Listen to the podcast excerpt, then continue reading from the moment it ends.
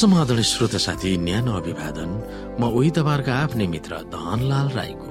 श्रोता साथी आज म तपाईँको बीचमा बाइबल सन्देश लिएर आएको छु। आजको बाइबल सन्देशको शीर्षक रहेको छ आर्थिक आर्जन गर्ने वर्षहरू।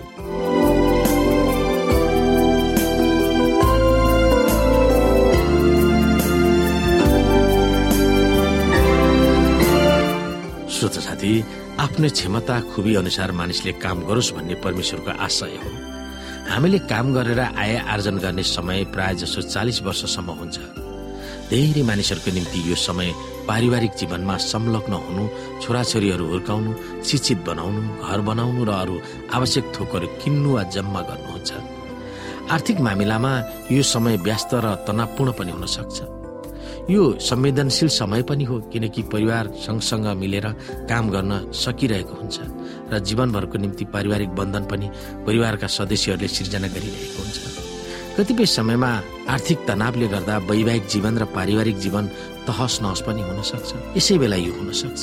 तर जुन इसाई परिवारले यसुप्रतिको समर्पित जीवनले गर्दा बाइबलका नीतिहरू अनुसार चल्छ त्यो परिवार दिगो परिवार हुने धेरै सम्भावनाहरू छ।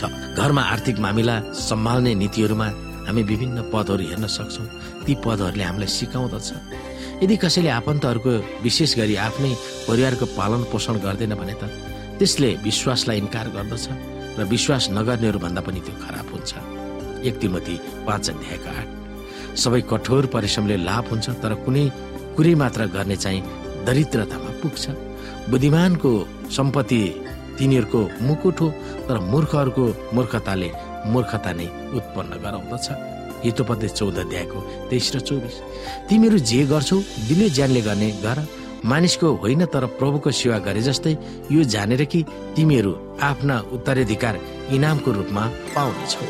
तिमीहरू प्रभु ख्रिसको सेवा गरिरहेका छौ। हामी कलसी तीन अध्यायमा हेर्न सक्छौ। प्राय जसो श्रीमान पैसा भित्राउने मुख्य व्यक्ति हुन्छ। तर कतिपय समयमा दुवैले पनि काम गरेर घरको आर्थिक समस्या सम्हालेका हामी देख्छौँ।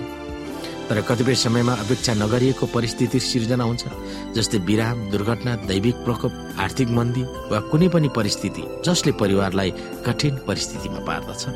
मानिसहरू त्यसै अनुसार चाँचो माझो मिलाएर काम गर्नुपर्ने बाध्यता हुन्छ। जब पारिवारिक अनुकूलमा बालबालिकाहरूलाई यस संसारमा हुर्काउँछन्। तब ती बालबालिकाहरू परमेश्वरको सम्पत्ति हुन् भनेर भजन सङ्ग्रहको एक सौ सत्ताइस अध्यायको तिनमा उल्लेख गरेको छ। परिवारमा बालबालिका हुनु भनेको बुबा आमाको निम्ति ठुलो जिम्मेवारी भएको सम्झिनु पर्दछ। प्रत्येक यसु भक्त बुबा आमाको लक्ष्य चाहिँ आफ्ना छोराछोरीहरूलाई यस्तो तालिम दिनुपर्दछ जसले गर्दा तिनीहरू हुर्केपछि स्वतन्त्र वयस्कहरू हुन्छन् र आउने जीवनमा घरबार चलाउन योग्यको हुन्छन्। बाबुआमाहरूको निम्ति यहाँ तिनी बुदाहरू दिएको छ जुन तिनीहरूको निम्ति सहयोग हुन सक्दछ। घरमा इसाई वातावरण सिर्जना गर्नुहोस्। नियमित रूपमा रोचक पारिवारिक आराधना नियमित साबत स्कुल र चर्चमा जाने आदत र दशास र भेटी दिनेमा विश्वासवाद नियमित र पारदर्शी त्यस वातावरणमा समावेश हुन्छ। बालबालिकाहरूको सानै उमेरदेखि नै यी वातावरणमा घरमा पायो भने हुर्केपछि त्यस वातावरणले तिनीहरूको जीवनलाई मजबुत बनाउन सहयोग गर्दछ। सानैदेखि राजी खुसी काम गर्न सिकाउनुहोस् र काम गरेकोमा स्याबास दिने चलन बसाल्नुहोस्। लगनशील भएर मर्यादित रूपले काम गर्दा सराहना गर्दो रहेछ भनेर बालबालिकाहरूले थाहा पाऊ। काम गर्दा इनाम पनि पाउने रहेछ भनेर तिनीहरूले महसुस पनि गरौँ। अरूहरूलाई समय दिएर काम गर्दा पैसा पनि पाउँदो रहेछ भनेर तिनीहरूले सिक्दछन्। त्यसले गर्दा तिनीहरूको काम र समय अमूल्य रहेछ भन्ने ज्ञान तिनीहरूले सिक्दछन्। दुवै अनौपचारिक र औपचारिक असल शिक्षामा सहयोग गर्नुहोस्। आजको इसाई प्राइभेट स्कुलहरू महँगो छ तर बाबुआमाले तिनीहरूलाई इसाई शिक्षा दिने योजनामा सरिक गरायो भने यस जीवनमा मात्र होइन आउने जीवनको निम्ति पनि उपलब्धिमूलक भएको अनुभव गर्नेछ।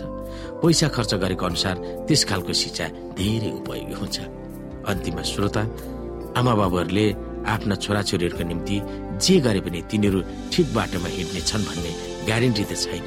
तर त्यस परिस्थितिमा आफ्ना छोराछोरीहरू गलत बाटोमा गयो भन्दैमा आमा बाबुहरू पनि दोषी भएको भनेर दिक्क वा हतोत्साह हुनु हुँदैन। ती कुरा हामी विचार गर्न सक्दछौँ।